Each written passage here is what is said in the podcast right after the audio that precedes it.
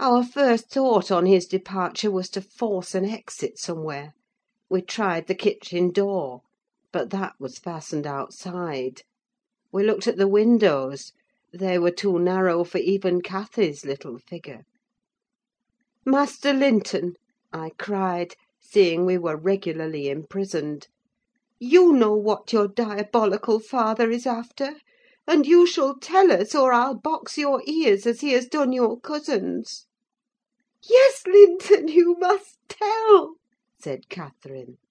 "It was for your sake I came; and it will be wickedly ungrateful if you refuse."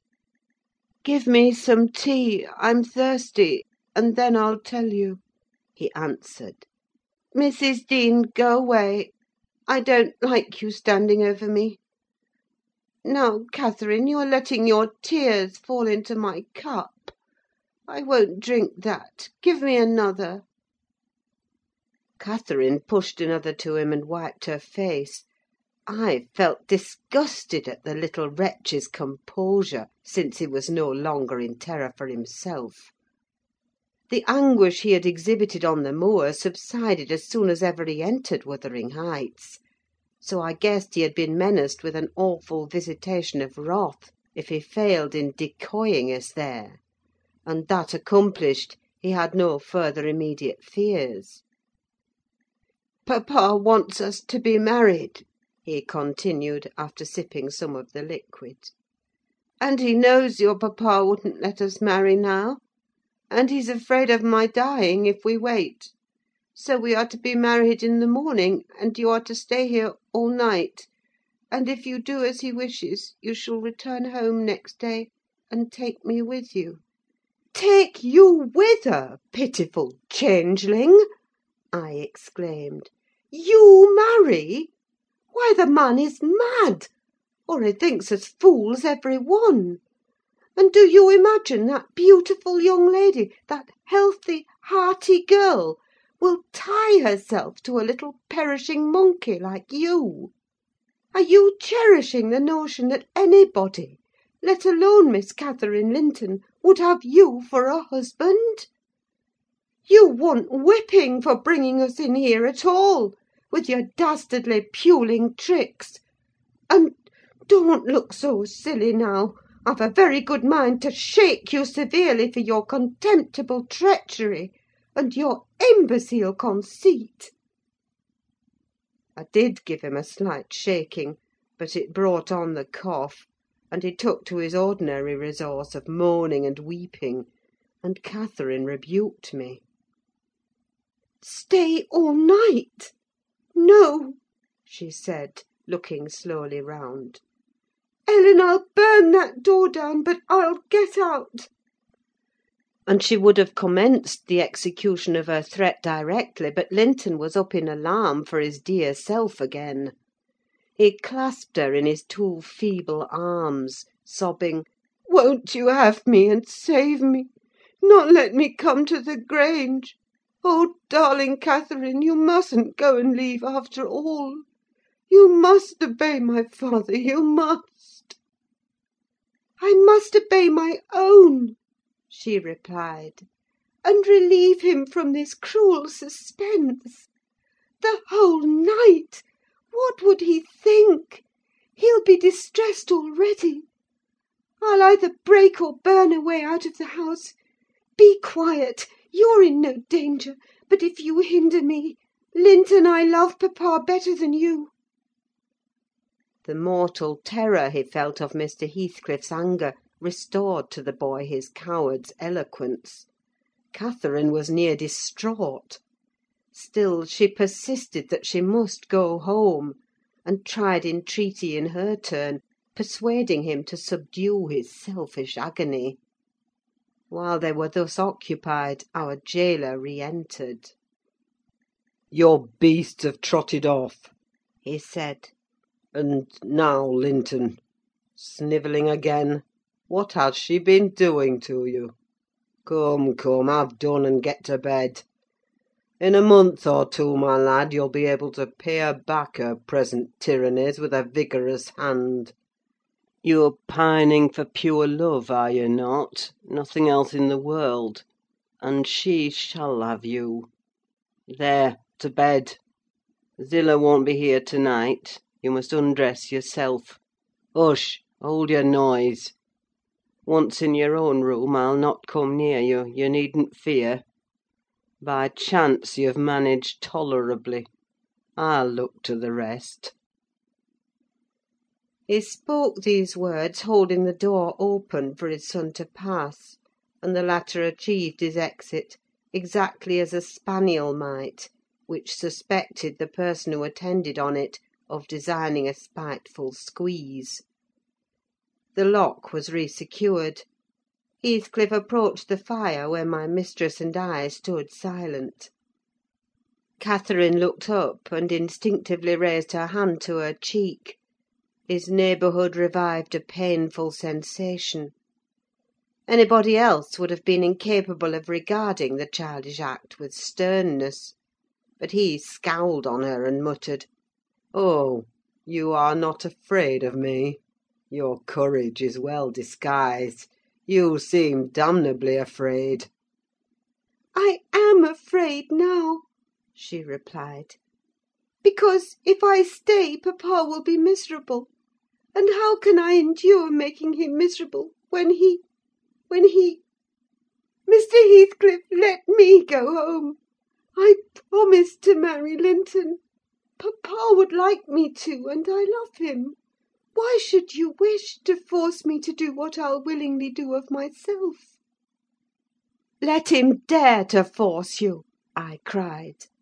"There's law in the land, thank God there is, though we be in an out of the way place. I'd inform if he were my own son, and it's felony without benefit of clergy." "Silence!" said the ruffian. "To the devil with your clamour! I don't want you to speak. Miss Linton, I shall enjoy myself remarkably in thinking your father will be miserable. I shall not sleep for satisfaction. You could have hit on no surer way of fixing your residence under my roof for the next twenty four hours than informing me that such an event would follow. As to your promise to marry Linton, I'll take care you shall keep it for you shall not quit this place till it is fulfilled." "Send Ellen, then, to let papa know I'm safe!" exclaimed Catherine, weeping bitterly. "Or marry me now! Poor papa! Ellen, he'll think we're lost. What shall we do?" "Not he! He'll think you are tired of waiting on him, and run off for a little amusement," answered Heathcliff. "You cannot deny that you entered my house of your own accord, in contempt of his injunctions to the contrary; and it is quite natural that you should desire amusement at your age, and that you would weary of nursing a sick man, and that man only your father. Catherine, his happiest days were over when your days began. He cursed you, I dare say, for coming into the world: I did, at least. And it would just do if he cursed you as he went out of it. I join him. I don't love you: how should I? Weep away! As far as I can see, it will be your chief diversion hereafter unless Linton make amends for other losses, and your provident parent appears to fancy he may. His letters of advice and consolation entertained me vastly. In his last he recommended my jewel to be careful of his, and kind to her when he got her. Careful and kind, that's paternal. But Linton requires his whole stock of care and kindness for himself. Linton can play the little tyrant well. He'll undertake to torture any number of cats, if their teeth be drawn and their claws pared. You'll be able to tell his uncle fine tales of his kindness when you get home again, I assure you. "You're right there," I said. "Explain your son's character: show his resemblance to yourself; and then, I hope, Miss Cathy will think twice before she takes the cockatrice."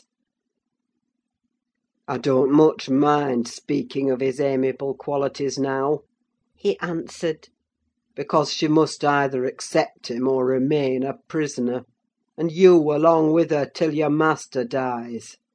I can detain you both quite concealed here.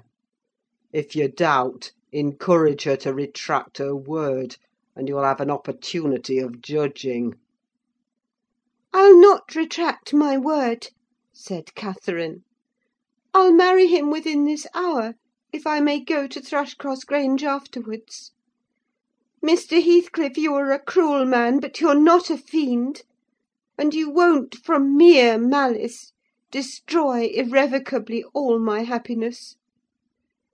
If papa thought I had left him on purpose, and if he died before I returned, could I bear to live? I've given over crying, but I'm going to kneel here at your knee, and I'll not get up, and I'll not take my eyes from your face till you look back at me. No, don't turn away! Do look! You'll see nothing to provoke you. I don't hate you: I'm not angry that you struck me. Have you never loved anybody in all your life, uncle? Never? Ah! you must look once. I'm so wretched, you can't help being sorry and pitying me." "Keep your eft fingers off, and move, or I'll kick you!" Cried Heathcliff, brutally repulsing her. "I'd rather be hugged by a snake. How the devil can you dream of fawning on me? I detest you!" He shrugged his shoulders, shook himself, indeed, as if his flesh crept with aversion, and thrust back his chair; while I got up and opened my mouth to commence a downright torrent of abuse.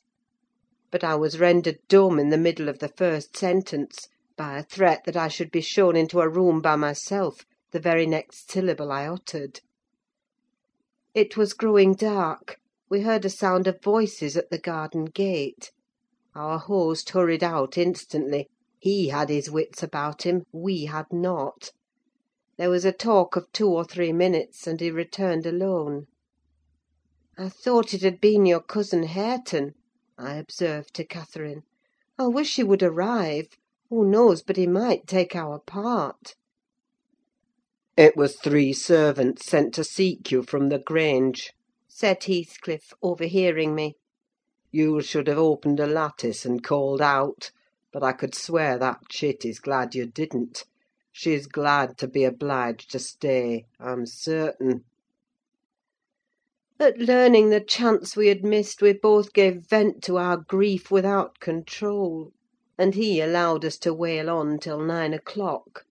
Then he bid us go upstairs through the kitchen to Zillah's chamber; and I whispered my companion to obey: perhaps we might contrive to get through the window there, or into a garret, or out by its skylight. The window, however, was narrow, like those below, and the garret trap was safe from our attempts, for we were fastened in as before. We neither of us lay down. Catherine took her station by the lattice, and watched anxiously for morning; a deep sigh being the only answer I could obtain to my frequent entreaties that she would try to rest. I seated myself in a chair and rocked to and fro, passing harsh judgment on my many derelictions of duty, from which, it struck me then, all the misfortunes of my employers sprang. It was not the case in reality, I am aware; but it was in my imagination that dismal night, and I thought Heathcliff himself less guilty than I. At seven o'clock he came and inquired if Miss Linton had risen. She ran to the door immediately, and answered, "Yes." "Here, then," he said, opening it and pulling her out. I rose to follow, but he turned the lock again. I demanded my release. "Be patient," he replied. "I'll send up your breakfast in a while." I thumped on the panels and rattled the latch angrily, and Catherine asked why I was still shut up. He answered I must try to endure it another hour, and they went away. I endured it two or three hours: at length I heard a footstep, not Heathcliff's. "I've brought you something to eat," said a voice. "Open door." Complying eagerly, I beheld Hareton, laden with food enough to last me all day. "Tak' it," he added, thrusting the tray into my hand. "Stay one minute," I began. "Nay!" cried he, and retired, regardless of any prayers I could pour forth to detain him. And there I remained enclosed the whole day, and the whole of the next night, and another, and another. Five nights and four days I remained altogether, seeing nobody but Hareton once every morning; and he was a model of a gaoler: surly and dumb, and deaf to every attempt at moving his sense of justice or compassion.